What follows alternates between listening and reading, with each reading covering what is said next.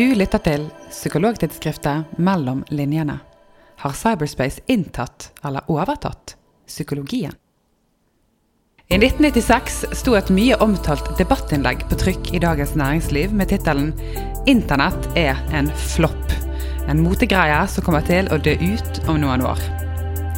Vi kan vel med sikkerhet slå fast at den spådommen ikke medførte riktighet. Snarere tvert imot. Ikke bare er internett kommet for å bli, som det heter. Internett og den digitale virkeligheten er til stede i nesten alt vi gjør. Det gjelder også innenfor psykologiens verden. Faktisk, i all beskjedenhet, var psykologer ganske tidlig ute med å omfavne digitaliseringen. Allerede på 60-tallet fantes en robotpsykolog som het Eliza. Som i alle fall til en viss grad klarte å etterligne måten en terapeut svarer sine klienter på. Siden den gang har utviklingen skjedd i en voldsom fart, og i dag er teknologien nesten like selvsagt som luft. Teknologi muliggjør nye måter å nå ut med hjelpen på. F.eks. til klienter som kanskje ikke tidligere har kommet seg dit behandlingen skjer, eller som av ulike årsaker har opplevd at den hjelpen de fikk, ikke var til hjelp. Teknologi muliggjør også at strukturerte og målrettede tiltak kan gis på en effektiv og kostnadsbesparende måte. Men har teknologien også noen praktiske, organisatoriske og ikke minst etiske slagsider? I denne episoden av Psykologtidsskriftet Mellom linjene skal vi utforske hvilken merverdi teknologiske fremskritt har fått i psykologiens verden. Kan vi behandle psykiske lidelser gjennom internettbasert terapi? Kan vi nå ungdom gjennom dataspill og avhjelpe alvorlige lidelser gjennom en virtuell virkelighet? Kan kunstig intelligens forutse hvem som vil ha nytte av hva? Ja, rett og slett kan teknologi gjøre jobben vel så godt som psykologi? Alt dette og mer til skal vi altså se på i dagens episode. Og vi skal òg spørre trenger vi egentlig psykologer i fremtiden?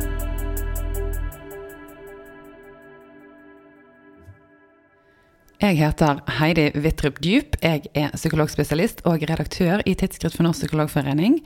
Og med meg til å svare på disse spørsmålene, så har jeg altså da intet mindre enn fire psykologer som alle bruker teknologi på ulike måter. Eh, foran meg sitter Tine Nordgren. Du er psykolog og forsker og rett og slett gründer ved Haukeland universitetssykehus med bistilling på Universitetet i Bergen. Så har vi June Lystad. Du er også psykolog og forsker ved Oslo universitetssykehus, i forskningsavdelingen der og i seksjon for tidlig psykosebehandling. Og så har du en bistilling ved Universitetet i Oslo.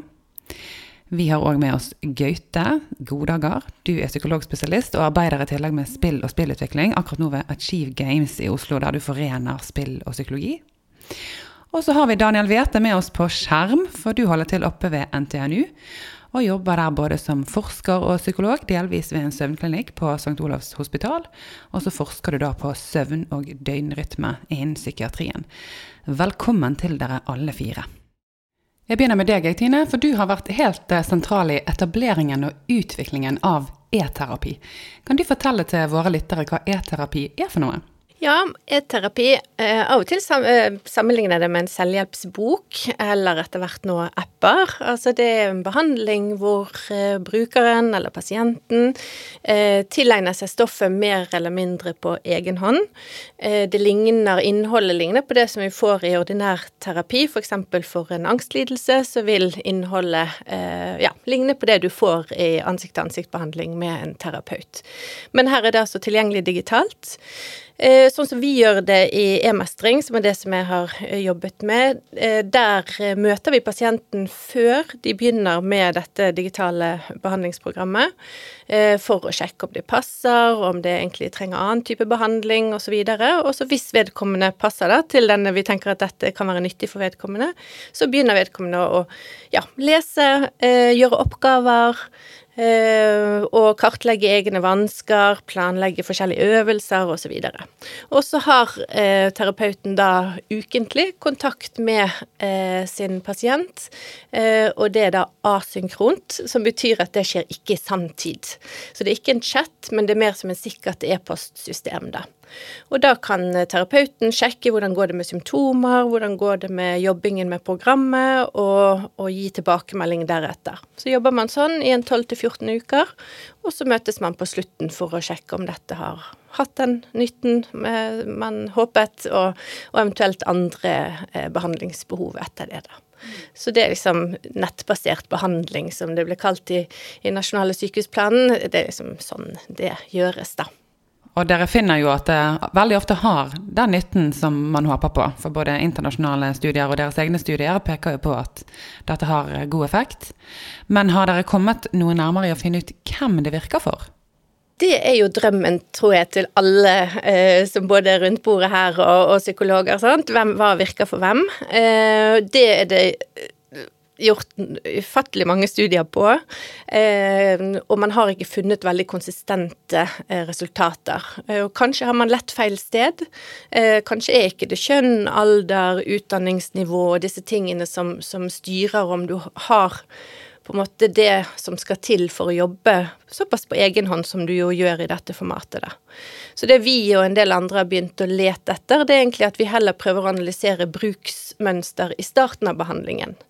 Så det er noe som heter at fremtidig atferd predikeres best av tidligere atferd. Eh, sånn at det blir kanskje enda viktigere for oss å fange opp hva skjer de første ja, om det er to eller tre uker, og at vi heller ser hvordan det går da, for å se om vi må øke støtten, om kanskje dette ikke er nyttig i det hele tatt, kanskje switche til ansikt-til-ansikt-behandling eller ja, noe annet.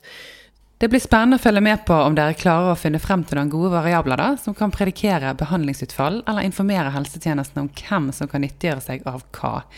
Jeg må jo si at jeg trodde det kanskje var de unge og datakyndige som ville nyttiggjøre seg mest av en sånn digital terapiform, men det har dere altså da heller ikke funnet. Vi skal komme litt tilbake til hva som gjøres for å finne måter å predikere behandlingsutfall seinere i episoden, bl.a. når vi snakker med Daniel, men nå først vil jeg høre litt med deg, Gaute. For apropos unge. Vi skal nemlig snakke litt om de nå. For du har fortalt at du har hatt gleden av å jobbe med unge spillere i mange år. Og det skyldes både at du har drevet med spillutvikling, men også at du har jobbet med denne gruppen som klinisk psykolog. Og hvem er disse unge spillerne, og hvorfor er det viktig å hjelpe denne gruppen gjennom nettopp spill? Eh, de er jo en gruppe som eh, ikke er de vanligste, eller som løper ned våre kontorer. Uh, unge menn ofte uh, kanskje være i konflikter med foreldrene sine, eh, kanskje er konflikter med Nav, kanskje sliter med å gjøre et vanlig liv, leve et vanlig liv. og så Da har jeg på en måte fått lov å jobbe mye med dem, fordi jeg har den bakgrunnen jeg har som spillutvikler. da, Og jeg skjønner at dataspill kan være Eh, helt fantastisk, men også noe som virkelig er en stor utfordring å leve med, hvis det er alt du gjør. Hvis du har dataspill som en liv, og ikke som en hobby. Eh, og det jeg har begynt med nå, det er jo på en måte at jeg har tenkt at disse menneskene som jeg har møtt noen av, det er på en måte bare å skrape en overflate hvor statistisk så ser vi at unge gutter går når de blir myndige, liksom, så går de lite til uh, psykologer. Vi vet at uh, de kommer veldig mye til oss for å få ADHD-diagnosen sin. Nå er jeg veldig tabloid, da. Men, uh, eller har atferdsproblemer når de er, blir dratt dit av foreldre eller skole. Um, men så snart de kan velge selv, så slutter de å komme til oss før de blir en god del eldre. men vi vet at allikevel så er jo den vanligste grunnen i Norge for at unge menn dør, er selvmord. I de fleste land så er det trafikkulykker, men i Norge er det selvmord fordi vi har så bra trafikk. Eh, vi jobber så mye med trafikkstabilisering, da. Eh, så jeg har tenkt å bruke, liksom, lage spill for å behandle depresjon, da. Det er det som er min nå Jeg har begynt med for et, ja, et halvannet år siden eller noe sånt. Jeg har begynt å utvikle eh, produkter for å gjøre det, da. Behandlende dataspill, rett og slett. Ja. Er det noen risiko ved å utvikle spill eller bruke spill til dette formålet? Det kan jo være destruktivt eller avhengighetsskapende. Det er mange bekymringer rundt det, dette her med bruk av skjerm også. Hvis det var sånn at spillet ikke, holdt, ikke inneholdt noe annet enn avhengighetsskapende triggere, så kan vi jo eh, vi kan jo gi mennesker en mulighet til å glemme det vanlige livet sitt gjennom dataspill. Det er jo sånn det ofte brukes, at du sliter med et eller annet, og så eh, bruker du spill for å slippe å forholde deg til ubehaget ditt. En veldig, veldig god unnvikelse. Eller skjerm er det. Om det er sosiale medier, eller om det er dataspill, eller om det er YouTube-short-videoer, eller hva det, whatever, liksom. Det er det samme. Det er en bra måte å slippe å forholde seg til ubehag, lidelse, vansker, utfordringer. Men spill, vårt spill da, som vi jobber med nå, det skal jo ha denne tematikken eh, som en viktig del av det vi driver med. Vi vet jo det at eh, det å jobbe med det som er vondt og vanskelig, det er krevende. Og du må bruke ofte lang tid, og du må ofte øve i virkeligheten. Og det å kunne klare å gjennomføre en, en behandling over tid, det krever at du er på en måte kanskje litt hekta, da til vanligvis så blir du hekta til behandleren din. Da. Du liker jo det. Vi kaller det for allianse. Det er jo en relasjon hvor du er i stand til å jobbe med noe som er vanskelig. Og den ut, bruker vi jo masse tid på å bli god på å utvikle, og virkelig få den mellommenneskelige faktoren til å sitte så mye at uh, pasientene er villige til å utfordre seg selv. Uh, og den alliansen, da, den tror vi vi kan utvikle til et dataspill, for det har de samme elementene. Så jo, du kan i teorien eh, også få det problemet med våre spill, men det er jo nettopp det du skal lære. Det er jo de ferdighetene du skal stå i. Det er jo nettopp derfor du er her, fordi det er vanskelig for deg, kanskje. Jeg syns det der var veldig oppklarende og egentlig veldig fint å høre om innholdet og alle nyansene, og hvordan dere kan spille på litt sånne mellommenneskelige kvaliteter i spillet, da. Vi tror at det går an med spill å fange kanskje noe av det mellommenneskelige, det du kan fange i en god film det du kan fange i god underholdning. Eh, I en god bok. Eh, noe av det mellommenneskelige som vi blir avhengig av relasjonelt ellers. Da. Det skal vi prøve å fange i våre produkter. Jeg syns det er veldig spennende å høre om at uh, dette faktisk er mulig å oppnå i et spill. Vi skal forlate dette litt, for jeg har lyst til å høre fra deg, June. Du jobber med noe ganske annet, for så vidt. Du ser på hvorvidt virtuell virkelighet kan avhjelpe vansker hos personer med psykoselidelser. Kan du fortelle om det prosjektet dere holder på med? Uh, gjerne. Vårt prosjekt har et veldig sånn klinisk utspring. Vi vet at veldig mange med psykoselidelser, i tillegg til å ha psykosesymptomer, så har de angstsymptomer. De har også depresjonssymptomer. Eh, vi vet også inntil to av tre med en psykoselidelse møter også kriteriene for f.eks. agorafobi. Så det er et ganske utbredt problem. Og så vet vi at kognitiv atferdsterapi kan hjelpe. Men så er det noe med teori og praksis. Så det er rett og slett ikke alle som får tilbud om kognitiv atferdsterapi. Og Tine var jo litt inne på dette med sanntid. Um, det er noe med å kanskje stå i en utfordrende situasjon og snakke med terapeuten om det en uke senere. Og som gruppe så, så kan det også være litt utfordrende. Altså en del med psykoselidelser er ikke sånn veldig hekta på terapi, som Gaute var inne på. Det er kanskje ikke alt som føles virksomt, som, som man ønsker å ta tak i. Uh, og sånn kom litt denne ideen. Har vi noen, noen, annen mulighet til å nå ut både litt med kognitiv atferdsterapi, men, men, kan vi også prøve ut dette? Um, vi kom i kontakt med et miljø i, ved universitetet i Oxford, Daniel Freeman og, og, hans gruppe, og har fått lov til å prøve ut en virtual reality-applikasjon som de har utviklet. Ehm, det har vi nå gjort. Testet ut på alle psykoseenhetene i Oslo universitetssykehus i en pilot. Ehm, det ble 30 pasienter. Og så har vi testet ut på ulike utfallsmål, vi har intervjuet alle deltakerne. Ehm, vi har hatt med såkalte VR-terapeuter, så pasientene har aldri vært alene i denne virtuelle virkeligheten. Eh, så pågår det nå intervju med alle lederne ved disse enhetene for å se på hemmere og fremmere. Så, så, i motsetning til disse to som har snakket tidligere, så er vi helt sånn på nybegynnerstadiet og har, nærmest litt sånn dumpet borti virtual reality som en mulighet. Um, Parallelt med denne utprøvingen så har vi fått samarbeid med et utviklerfirma som heter Fornix. Vi har matet inn alt av erfaringer, og alt pasientene ikke minst har sagt de ønsker seg i norske scenarioer. Eh, så vi har utviklet en egen applikasjon som heter Recovery ordspill. Den skal vi nå i gang å prøve ut i en stor randomisert kontrollert studie som starter nå i slutten av året.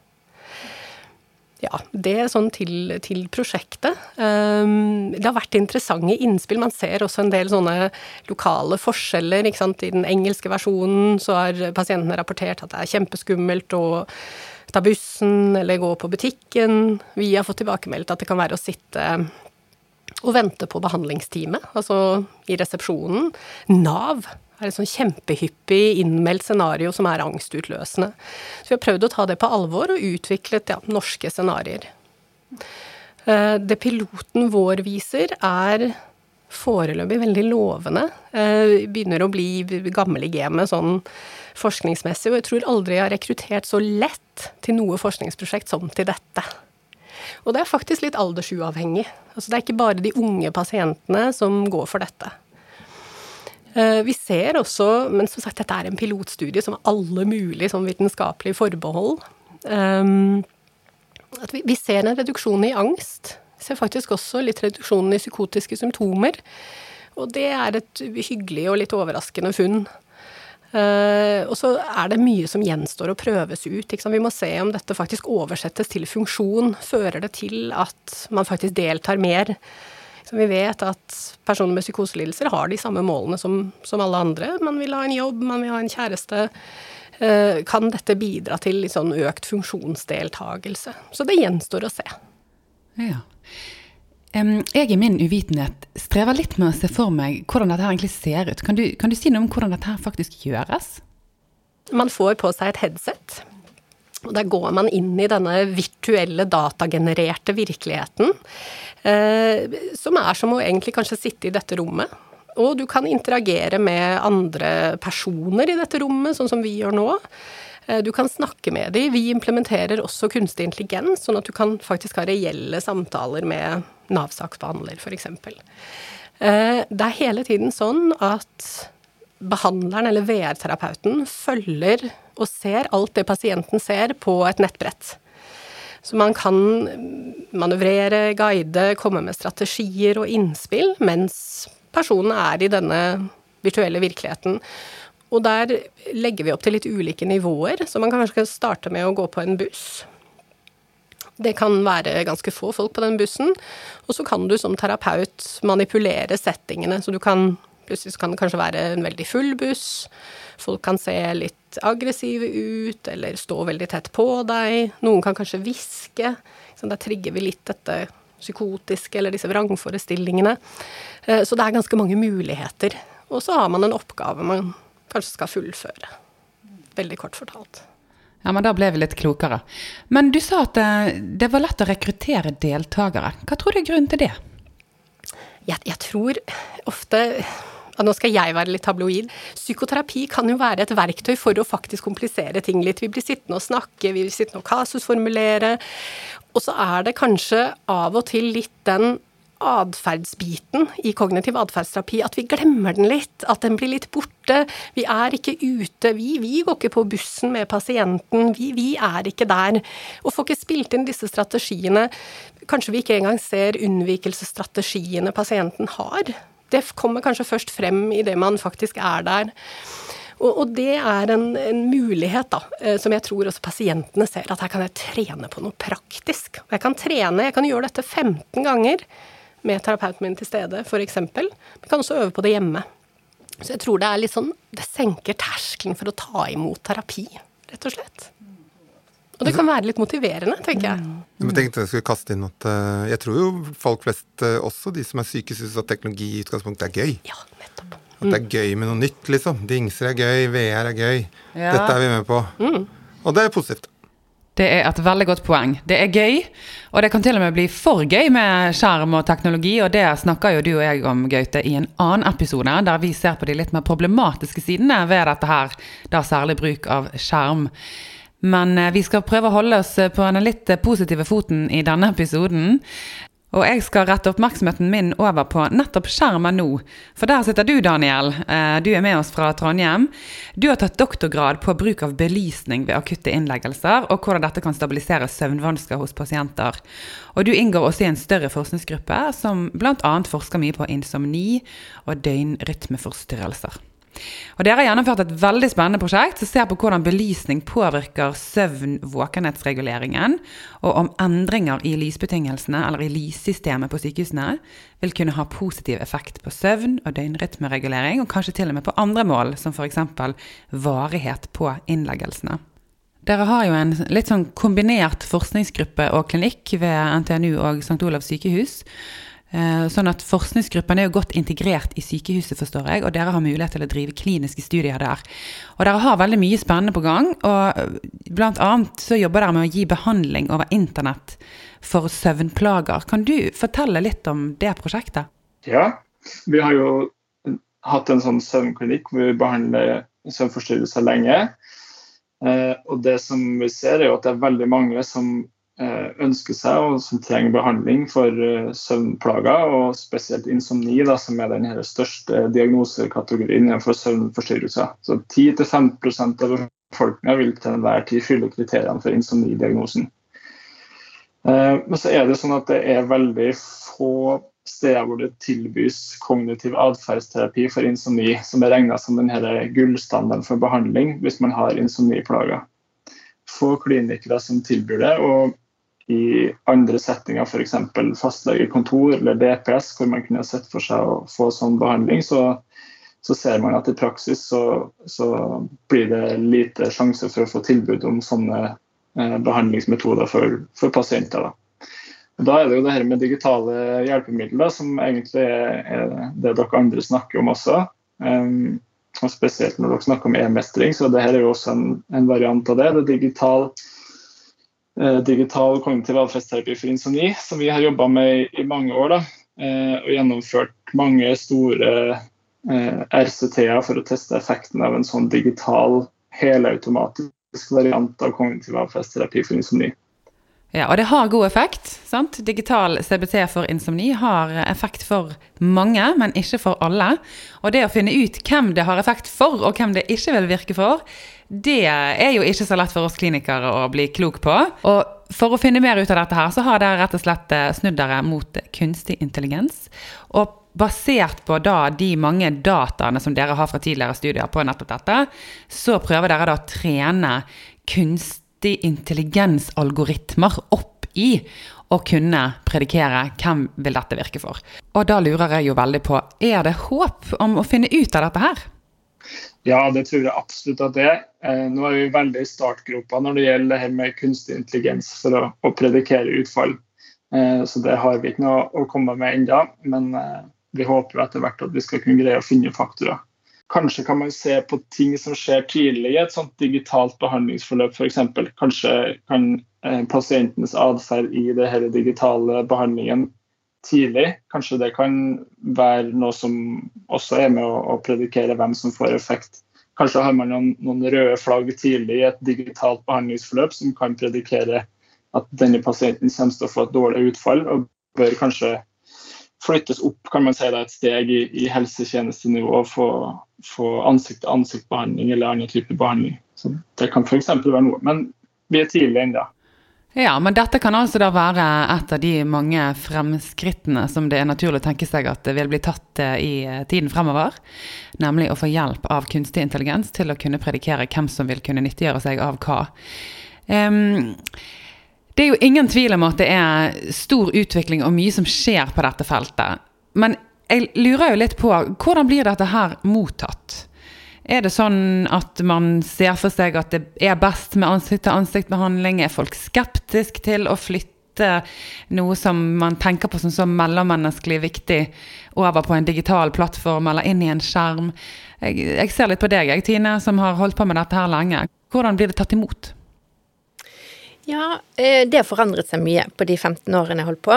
Eh, det var en periode jeg var inne på, på eh, profesjonsstudiet hvert år. Og jeg husker de første årene jeg var inne, så var jo på en måte hva med relasjonen, hva med relasjonen for eksempel da, var, var et tema, og var stor skepsis i gruppen. Eh, for min egen del har nok hjertet i stor grad vært hos de som ikke kommer inn på psykologkontoret, altså de som ikke slipper til. Sånn at, eh, sånn at det har jo vært, det har liksom vært min drivkraft i dette her, da. Eh, men det jeg merket når Og det er jo måte, altså Det kan jo kompensere for noe, men det kompenserer jo ikke for nettopp dette med allianse, og at man liksom engasjerer seg, og, og at man klarer å skape bånd og, og sånn. Så opplevde at psykologistudentene f.eks. at de eh, ble eh, så kanskje mer og mer at ja, når du leser en bok eh, f.eks., så kan jo du gråte over det som skjer med hovedpersonen i den boken. Og sånn er det jo med tekster. Og vi har jo mye tekster i våre program. Sånn at jeg tror folk har fått mer og mer opp øynene for, ja, for nettopp det å se hva disse tekstene kan, kan, gi. Pluss at vi har blitt mye bedre også på å lage tekster. Sant? Altså, E-mestring anno 2012 var med rette også stort kritisert, eller på en måte hadde sine åpenbare mangler. Mens det vi gjør nå, er jo at vi i mye større grad prøver å fortelle historier. Eh, sånn at når vi har eh, f.eks program for kvinner som har hatt gynekologisk kreft, og skal hjem og organisere seg og bli vant til det nye livet og seksualiteten og sånn, så er det ikke liksom bruke bomullsklær og øh, pust rolig, jeg si. Det, er ikke der fokuset vårt er. Det handler vel så mye om Ragna på 32, Lillian på 52, øh, kvinnen på 72. Hvordan virker gynekologisk kreft på meg? altså det er jo noe av det jeg kan tenke kanskje vi mister i terapirommet, da. Eh, det er jo den normaliseringen og gjenkjennelsen som vi kan få i disse verktøyene. Så vi ikke brukte da i begynnelsen, og, og kunne absolutt kritiseres deretter, men, men som vi nå kan bruke på en helt annen måte. Ja, jeg har nok tenkt at teknologien er veldig kald, jeg, da. At det, eh, det mangler det mellommenneskelige, det mangler det emosjonelle. Eh, men nå hører jeg jo at det er jo Det har vært en så stor utvikling at man nå også klarer å favne det i mye større grad enn det i hvert fall jeg eh, var klar over. Eh, og det, da gir det jo òg mening at skepsisen kanskje har avtatt litt også. Jeg må bare si at jeg er veldig Jeg har et elsk-hat-forhold til teknologi. Jeg tror ikke mye av den teknologien vi har i dag, gjør livet til menneskene bedre. Jeg tenker at det er veldig fint, jeg at vi psykologer kan være litt skeptiske. Hvem ellers skal være skeptiske? Hvem skal bære liksom det mellommenneskelige inn i samfunnet i dag? Eh, jeg er teknolog, jeg. Jeg har vært liksom eh, heia fram i MIT eh, og sånn. Det er ikke det det går på. Men er vi sikre på at smarttelefonen har gjort livet bedre til oss mennesker? Er vi sikre på det? Vi, jeg, jeg, klarer ikke å se at det er det som har skjedd. At at uh, Steve Jobs eh, var Jesus uh, når han kom, mer som han var uh, liksom Satan når han kom med smarttelefonen i 28-27 og, og, ga oss. Altså det, jeg vet, Er livet til mennesker bedre i dag? Er livet til unge mennesker bedre i dag? Eller er det at livet handler om å slåss for å klare å regulere seg i forhold til skjermen og teknologien som omgir oss, som vi dykker ned i? Og, det, og samtidig elsker jeg det.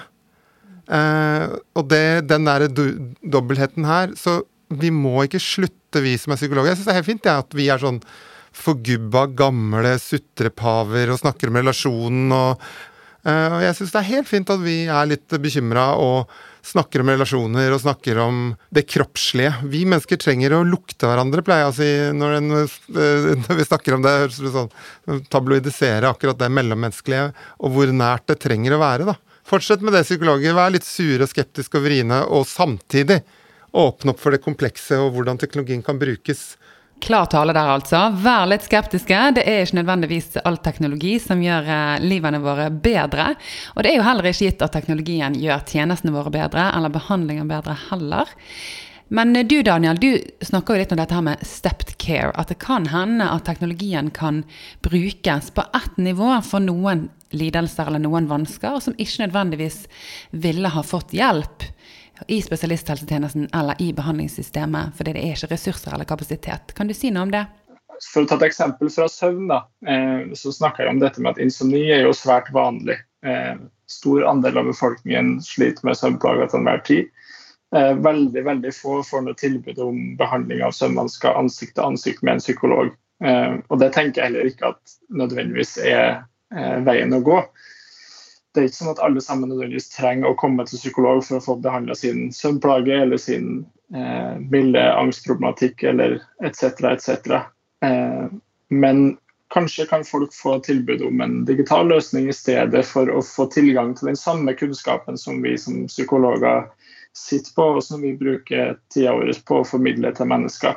Eh, så jeg, jeg, tror du snakker litt om det med motstand hos oss som er psykologer, og vi er jo gjerne terapeuter eh, i, i, natur inni oss. kan si. Vi ønsker gjerne på en måte å fremsnakke det terapeutiske som du Gaute er inn på.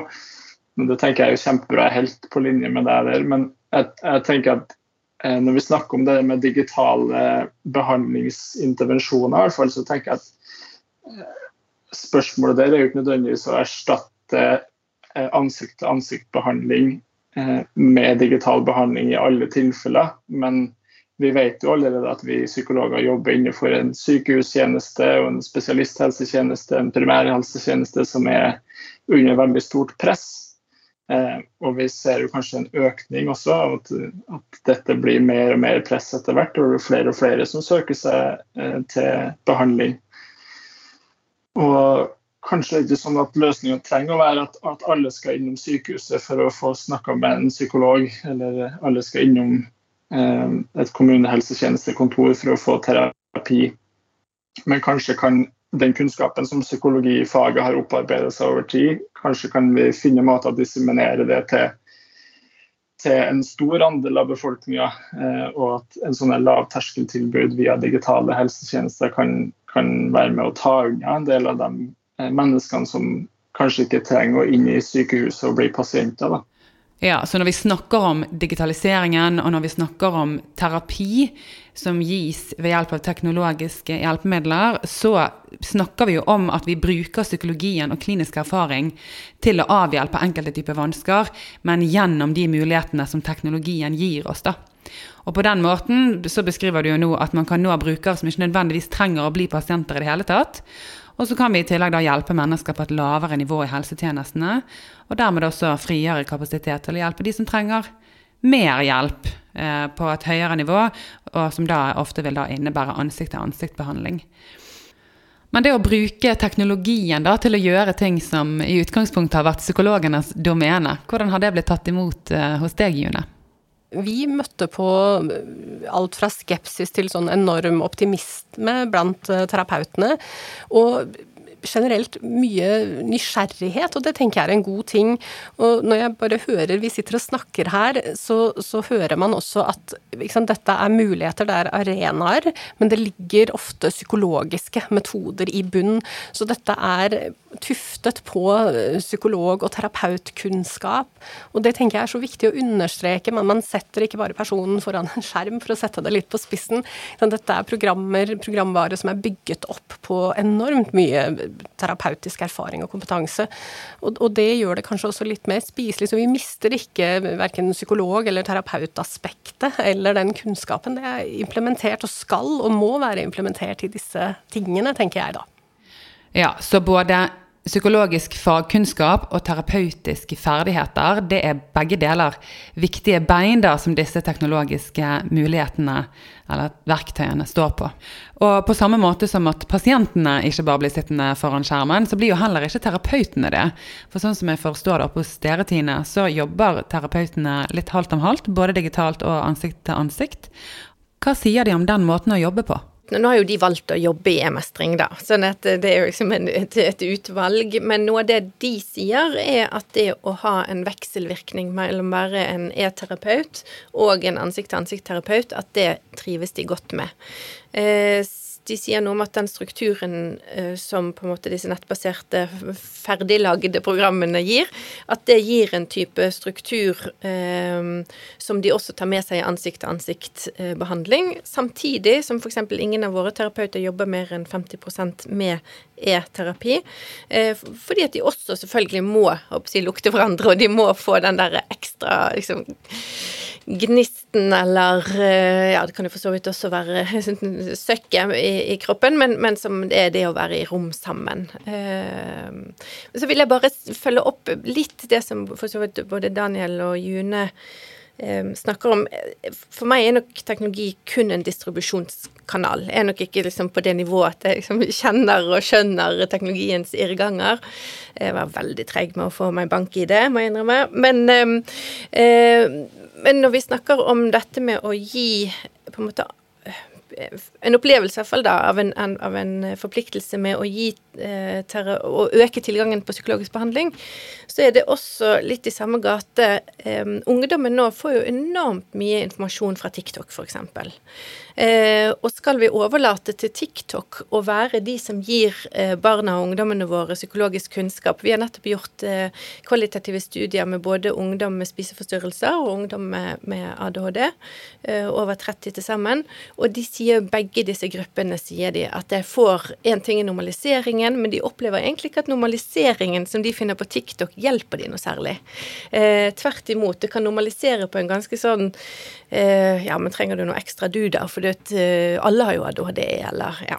Jeg bare skal bare tydeliggjøre at uh, jeg, jeg syns det er fantastisk med psykologisk eh, kunnskap distribuert gjennom teknologi, og det må vi gjøre masse mer av.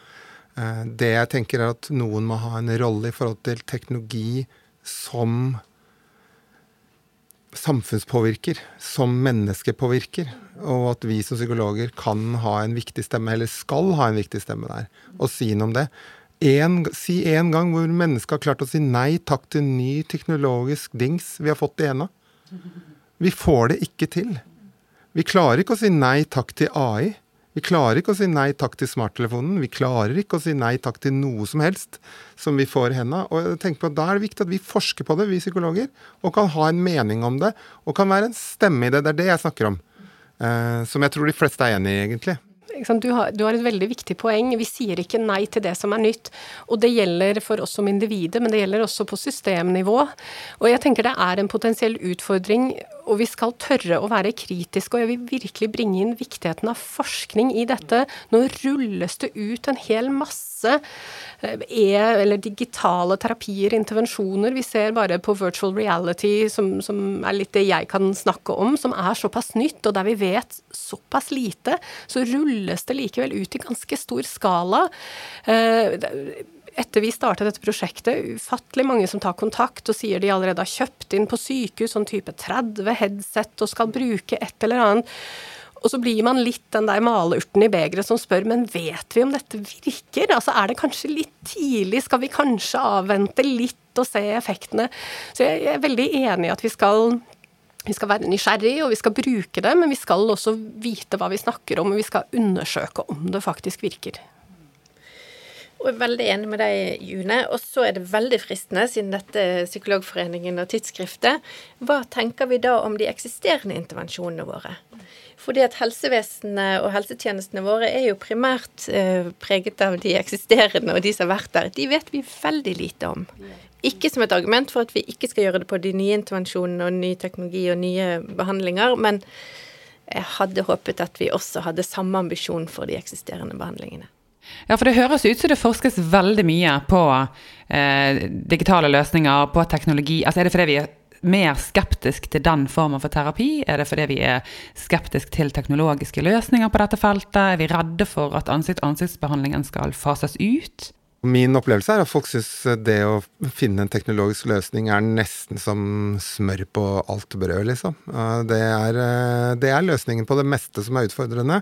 Spare penger, øke kvalitet, øke eh, prediktiv verdi. Eh, hekte de som faller av, altså redusere drop-out. Alt så tyr man til teknologi. Og som du sier, det blir forska mer på det eh, enn det blir på Selv om jeg har masse, masse respekt for fantastisk god terapiforskning som blir gjort i Norge jeg kjenner de miljøene. Det er veldig veldig flinke folk, og de har mye god data. Eh, så er det jo vanskeligere å fange. For det er så antall variabler går mot uendelig når du har to mennesker i et rom. Eh, det, det er sånn det fungerer. Eh, så jeg opplever ikke at det er en skepsis mot digitale løsninger. Og jeg tenker at vi burde ikke ha det for å gi terapi, så lenge vi har, som du sa, god terapi i bunn. Men ha det generelt i samfunnet. Det er det jeg er opptatt av, da. At vi skal være en stemme for det. For det mellommenneskelige. Men kan vi overdrive viktigheten av relasjonen, eller undervurdere eh, at det også går an å skape en relasjon digitalt eller gjennom teknologiske løsninger? Tror vi at vi liksom må lukte på hverandre da, for å kunne bygge relasjon? Du kan godt ha eh, en veldig dyp og fin relasjon til et menneske du spiller dataspill med, eller du kjenner på, mm, på en sosial media, liksom. Men det er akkurat som det er et lag som er borte. Og, og jo nærmere du kommer, jo mer intimt laget er, jo vanskeligere er det. Og hvis du får um, Altså det der å ha en kjæreste, å få til et kjæreste eller et, et, intimt samliv hele livet, da, det er kjempevanskelig. Det er noe vi strever med. Masse, masse, masse. Og det må øves på. Og kan det hende at uh, noe av det som gjør at ikke At det virker som mange lykkes dårlig, da, f.eks. unge menn er det stadig færre av unge menn som får eh, som har, får barn og har familie, viser forskning fra Norge. God forskning. Eh, at den øker. Hvordan vet vi at ikke det har noe med at eh, de får en god erstatning gjennom teknologi? Vi vet ikke det. Eh, så det, det er som det, eh, jeg, jeg, tenker det er ikke Vi må alltid gjøre det mer komplisert. Da. Det er også litt sånn vår psykologjobb. Det er å komplisere ting. Ja, relasjoner er jo komplisert, men som du sier, det er mulig å lage en relasjon eller skape en opplevelse av nærhet gjennom digitale tjenester, men at det er et slags lag som forsvinner. Da. Og hvis det er så komplisert og sammensatt, hvordan i alle dager forsker man på det da, Tine? Ja, når det gjelder allianse, nå skal jeg forenkle det, Gaute. Og da er det jo og, måter å måle det på. Hvis vi definerer allianse som eh, enighet om mål, enighet om middel og et emosjonelt bånd, som er jo en liksom klassisk hvert fall, forskningsmåte å måle det på, så finner både man nasjonalt og internasjonalt at disse digitale eh, nettbaserte behandlingene gir samme type allianse som ansikt-til-ansikt-behandling. Eh, men det er jo en operasjonalisert eh, allianse som går utover kanskje det du berører, da. Men, eh, men, men, at Og det vet vi jo alle, sant. Vi kan som sagt gråte over skjebnene til en romanfigur. Mm. Så det er mange måter å vekke emosjonelle bånd på. Ja, ikke sant. Men også bare si, vi, som sagt igjen, bare med alle mulige forbehold at dette er en pilot osv., men vi så også at det lar seg gjøre å bygge god allianse og relasjon rundt VR, altså rundt et digitalt verktøy. Og jeg tror, sånn, kanskje særlig da, for gruppen med psykoselidelser, så kan det være en litt sånn fin ting å ha noe eksternt enn den å bare sitte ned og snakke om de psykotiske symptomene eller ja, hvordan det har vært den siste uken, men å faktisk gjøre noe sammen sammen med terapeuten sin. Fordi det er jo litt sånn nå outer jeg meg som ikke sånn veldig teknisk, men det er jo litt mekk. Man skal ha på dette headsetet, man skal tegne opp en sone man kan bevege seg innenfor. Det, det, er mye rom for relasjonsbygging, kanskje særlig hvis terapeuten også våger å være den som tester ut og lar pasienten se. Så, så gjør man seg selv litt sårbar, viser, man, viser, at man kanskje ikke behersker dette 100% Så vi har sett og får rapportert også av VR-terapeuten at, at det var kanskje litt overraskende, men det ga ganske god beredet grunnen for god relasjon, faktisk. Litt overraskende, men, men det er bare en foreløpig erfaring. For meg høres det ut som at det mellommenneskelige er en veldig viktig del av denne formen for terapi. Da. Og at både relasjon og allianse har en naturlig plass innenfor de teknologiske verktøyene som tas i bruk. Men det høres egentlig ut som dere Daniel, bruker teknologien på en litt annen måte enn det som blir beskrevet her. Nå snakker vi litt om allianse, sant? og, så snakker vi om allianse opp mot digitale hjelpemidler i terapi. Og, og da er det sånn at Innenfor forskninga på digitale terapiformer så skiller man jo gjerne litt på eh, det som er en helautomatisk digital behandling, eh, som er litt det vi har jobba mest med. Eh, en helautomatisk måte å, å, disseminere eller distribuere kognitiv insomni, versus eh, terapeutassisterte digitale behandlingsformer, som er eh, slik jeg forstår det, litt mer det som er mestring jobber med. Der man har på en måte tilgang til en terapeut via chat eller eh, og får en viss form for menneskelig kontakt eller feedback underveis. Eh, og et, det jeg tenker er at Uansett hvordan man ser på dette, så er det viktig med de her studiene eh, der man sammenligne uansett hvilken variant man har, om man har en, en helautomatisk eller om man har en terapeutassistert digital variant. At, at, man til slutt kommer til det punktet der man sammenligner det direkte i en randomisert, kontrollert studie mot eh, fullstendig ansikt-til-ansikt-behandling.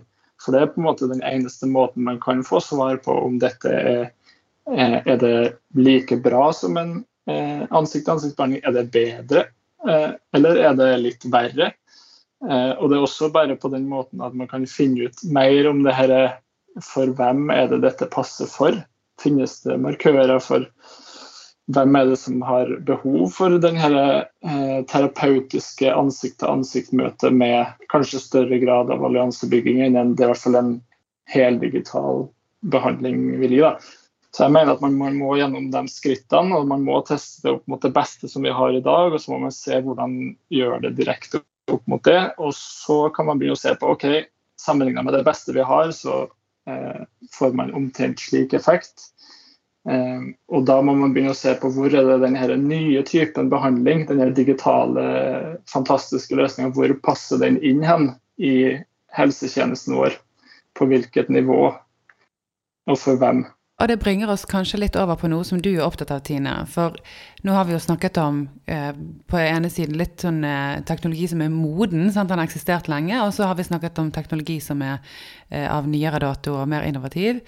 Eh, og så kan vi snakke om organiseringen og strukturene rundt, som du omtaler som umodne. Kan du utdype litt hva du mener med dette? Altså, når vi begynte med e-mestring i 2012-2013, så trodde jeg helt alvorlig at dette handlet om den appen, på en måte. Og så har jeg brukt de neste ti årene på å skjønne ringene i, i ringer i vann, er ikke dette? Eh, altså alle konsekvensene. Sant? Først hadde vi ikke takst det var liksom én. Vi har ikke utdanning, det er ikke integrert i utdanningen vår. Eh, og vi er litt sånn som, som Daniel er inne på, altså det er ikke organisert på en måte hvor disse tingene er integrert. Så vi har liksom en klinikk der borte som holder på med noen teknologigreier, og så har vi ansikt til ansikt og de andre klinikkene. Så jeg tror eh, ved siden av denne nye, mer innovative teknologien, så tror jeg vi har masse å gå på når det gjelder organisering, eh, si rolleforståelse, eh, pasientflyt. Og dette helt i eh, sin spede, spede begynnelse. Eh, og det glemmer vi når vi snakker om moden og velkjent teknologi. Og så ser jeg fra, fra mitt perspektiv i hvert fall at organisasjonen er veldig umoden. Jeg kjenner det veldig igjen. Eh, dette har for oss vært en veldig bratt læringskurve for å forsøke å implementere det i et system. Sånn alt fra det forskningsetiske å få dette gjennom i rekk. Og så er det litt sånn satt på spissen når, når yter, altså yter ChatGPT helsehjelp på et vis. Hvem kan registrere aktivitet? Altså bare sånne type ting. Kan vi registrere aktivitet eh, for dette i helsevesenet?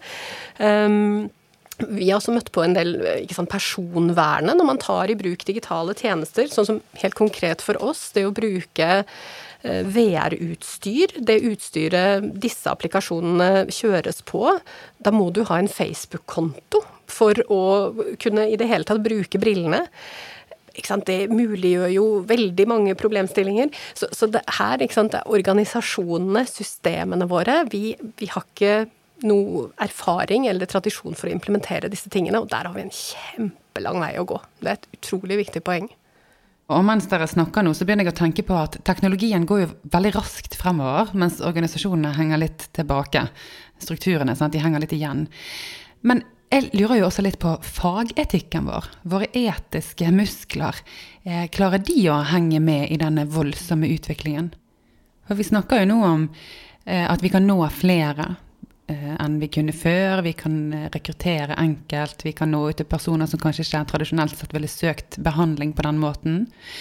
Eh, men vi snakker jo også om effektivisering. Sant? At dette er bra for eh, økonomien vår og helseforetakene og sykehusenes drift. Og kan vi havne i et dilemma der? Jeg tenker absolutt det. Å, ha det på systemnivå på den måten du beskriver. Altså at, man må Eh, ja, eh, påse at de som skal ha eh, ansikt til ansikt, mer omfattende hjelp, får det, og at ikke de får smuler som, som de ikke kan nyttiggjøre seg av. Og da er vi jo nødt til å være litt sånn datadrevne, da, alle sammen. For da må vi vite hva som skjer i behandlingene våre. Uh, og så tenker jeg litt på individnivå eller pasientnivå uh, i forhold til etikken. Vi ser av og til sant, Alle våre pasienter sier liksom, ja, tilbakemeldinger og sånn på slutten. Uh, og da er det ikke mange, men det er noen, og det, det skjærer eh, hver gang vi leser det, at ja, programmet var fint, det, men jeg nytt, klarte ikke å nyttiggjøre meg av det. Men det er sikkert min feil. Og den, synes, eh, og den er jo vond i ansikt-til-ansikt-terapi, eh, men den er eh, i hvert fall også veldig vond her. Så vi må jo passe på i, i alle intervensjoner, men også de digitale intervensjonene, at ikke vi overselger det, og at det at man ikke klarer å nyttiggjøre seg det, må alltid handle om at programmene eller behandlingen ikke er god nok for deg her og nå. Så det er liksom en annen sånn etisk dimensjon, da. Så både en systemisk økonomisk og mer enn individrettet, tenker jeg. Og det er jo kanskje en litt sånn særegen del av det å gå i digital terapi, da. For hvis jeg eh, i en vanlig ansikt-til-ansiktsbehandling opplever å ikke bli bedre, så har jeg kanskje likevel følt at jeg har blitt ivaretatt. Men hvis den digitale terapien ikke virker, og jeg heller ikke har fått ivaretagelse, så har jeg jo egentlig ikke fått noen ting. Men jeg ser på deg, Gaute, som har et sånn elsk-hat-forhold til hele teknologien, som du sier. Hva tenker du? Altså, risikerer vi at det blir misbrukt? Risikerer vi at vi blir på måte, påtvunget å overføre behandlingen til effektive, billige teknologiske løsninger, mens det egentlig ikke er til pasientens beste, og noe vi som psykologer egentlig er helt imot å gjøre? Eh, jeg vil svare litt tydelig på spørsmålet ditt, og jeg tror det ja, det kan brukes sånn. Akkurat nå så er det en streik som pågår i USA. Eh, for eh, manusforfattere og eh, skuespillere i Hollywood som streiker. Og det er to aspekter der. Hvordan deres kunstneriske deltakelse brukes i strømmetjenesten, og hvordan de får betalt for det. Og så er det hvordan deres tilstedeværelse og stemme og ansikt brukes basert på AI. Og det de sier da, vi streiker, for vi vil, jeg vil bestemme om jeg skal etterlignes. Jeg vil streike fordi jeg vil bestemme om min stemme skal være sånn at hvis jeg dør, så gjør du ferdig filmen med AI. Eller ikke. Altså, eh, det der å ha kontroll over det. Eh, nå er det sånn at vi psykologer noensinne vil streike fordi det vi lærer og det vi kan, blir gjort bedre av AI. Eller ikke. Eller gjort billigere av AI. Eller ikke. Eller skal vi bare følge forskning? For forskningen tilsier at vi kunne lage filmer billigere og antageligvis bedre med en AI-basert skuespiller. Uh, over tid. Uh, og så på en måte sånn, Hvor trekker vi sanda, og hvor er det etiske? Hva, hva er poenget med det vi gjør? Uh, har vi som profesjon en verdi i seg selv, eller har vi bare en verdi i den grad vi deltar til å gjøre folk friske? Og det er sånn, jeg tenker, der, der, har vi også en stemme som vi må liksom si litt om, og, og, mene litt om at vi er, er, som mennesker, da. At vi er viktige i oss sjøl. At hvis kanskje, kanskje, det har en verdi selv om én færre pasient får behandling, at jeg fins. Selv om jeg ikke klarer å kvantifisere det i dag. Og det du sier der, Gaute, det bringer meg egentlig litt tilbake til der episoden startet. Nemlig med en undring over hva er det vi kan ha i vente. Er det behov for psykologer i fremtiden? Eh, vil teknologien ta over? Trengs vi i det hele tatt? Og hva slags teknologiske fremskritt kan vi egentlig vente oss? Jeg ser på deg eh, først, Tine. Hva tenker du? Um, jeg syns det er vanskelig å se for seg at ikke det er brukt for oss. Og i mitt veldig nærsynt uh, fremtidsperspektiv så er jo et av mine håp, og det som jeg syns jeg begynner å se at kommer, er jo at disse eh, distribusjonsverktøyene da, som teknologien kan være, eh, også kan integrere fysisk og psykisk helse på en annen måte, og da er jeg veldig nærsynt, men det skjønner jeg. Men, men at, det, at jeg ser etter hvert nå at det kommer eh, Når jeg ser bortover på Haukeland sykehus, så ser jeg liksom alle de somatiske avdelingene der, og jeg tenker at i løpet av fem års tid kanskje, så er det mange av pasientene som kommer ut fra somatiske behandlinger med, med store utfordringer og, og, skal leve et liv med somatisk syke, sykdom eller rehabiliteres. Og, ja. Så, så jeg, jeg, noe av det jeg måte er optimistisk i forhold til, da, det er eh, at eh, eh, ja, vi klarer å, å integrere psykisk og fysisk helse bedre, og at Og der trengs vi, og der etterspørres vi. Ja, så teknologien kan da muligens bidra til å forene eh, arbeidet med fysisk og psykisk helse. Du da, June. Tror du vi blir overtatt av kunstig intelligens og at det ikke lenger er bruk for oss, eller ser du for deg noen andre mer optimistiske fremtidsscenarioer? Um, litt sånn basert på egne erfaringer, for å ta utgangspunkt i det det, det, jeg tenker og håper AI ikke erstatter, og dette kan ikke fatte at jeg sier noe så platt, men det er litt sånn the human aspect. Eh, det alle våre deltakere sier er ikke, ikke, uten terapeuten min. Vi vil ikke ha dette uten at det er en terapeut til stede. Så, så det er litt sånn brukertilbakemeldingen, at det er behov for, for en terapeut. Det, det, er jo litt eh, optimistisk for lauget, holdt jeg på å si, at det er et behov for oss. Men, men jeg tenker vi, vi, står overfor noen utfordringer. Det gir veldig mange muligheter, men det gir også en del utfordringer. Alt fra dette hvor langt Når trekker vi streken? Dette handler om personvern, det handler om eh, hva kan sykehus og hva skal sykehusene tilby? Så, så jeg, jeg, kjenner nesten på, det skal man kanskje ikke si en litt sånn optimismepodkast, men, men litt sånn viktigheten av å ta et skritt tilbake også og, og gjøre seg noen refleksjoner over hvordan kan det brukes, hvordan skal det brukes? For mulighetene er helt uendelige. Ja, mulighetene er enorme, og samtidig er det en del uavklarte spørsmål da, som du peker på nå. Og i tillegg så er det kanskje en påminnelse om at vi skal balansere begeistringen vår litt med en sunn dose skepsis her. Du da, Daniel. Hva ser du for deg at fremtiden vil bringe, på godt og vondt, med teknologien? Ja, nei, jeg, jeg kjenner at jeg, jeg, stemmer vel i med den siste her nå, da. At, uh, at jeg tror at uh, Jeg har jo også ikke nok kunnskap om AI til å, å spå hvordan det her kommer til å gå, om vi kommer til å bli erstatta av AI fullstendig eller ikke. Uh, som er fare for å, å, bli den som spår at internett ikke blir en suksess her nå da, på tape, så, så har jeg jo lyst til å si at jeg tror ikke at psykologen eller den terapeutiske mellommenneskelige forbindelsen som, eh, som vi psykologene kan bidra med. Jeg tror ikke at den blir erstatta. Jeg tror kanskje at det har noe å gjøre med at man vet også at dette er et annet menneske, eh, og man vet at dette er en annen et annet individ av min egen art, kanskje, eller noe sånt, eh, som, som, gir en viss tilhørighet og, og, og, samvær, kan man si. da. Det er bare snakk om tid. Det som, ja, sant. Ok, så nå snakker jeg litt bort, men poenget mitt tror jeg var at eh, jeg tror nok også at dette i det korte løpet så handler det nok mye om å finne ut hvor skal dette passe inn hen.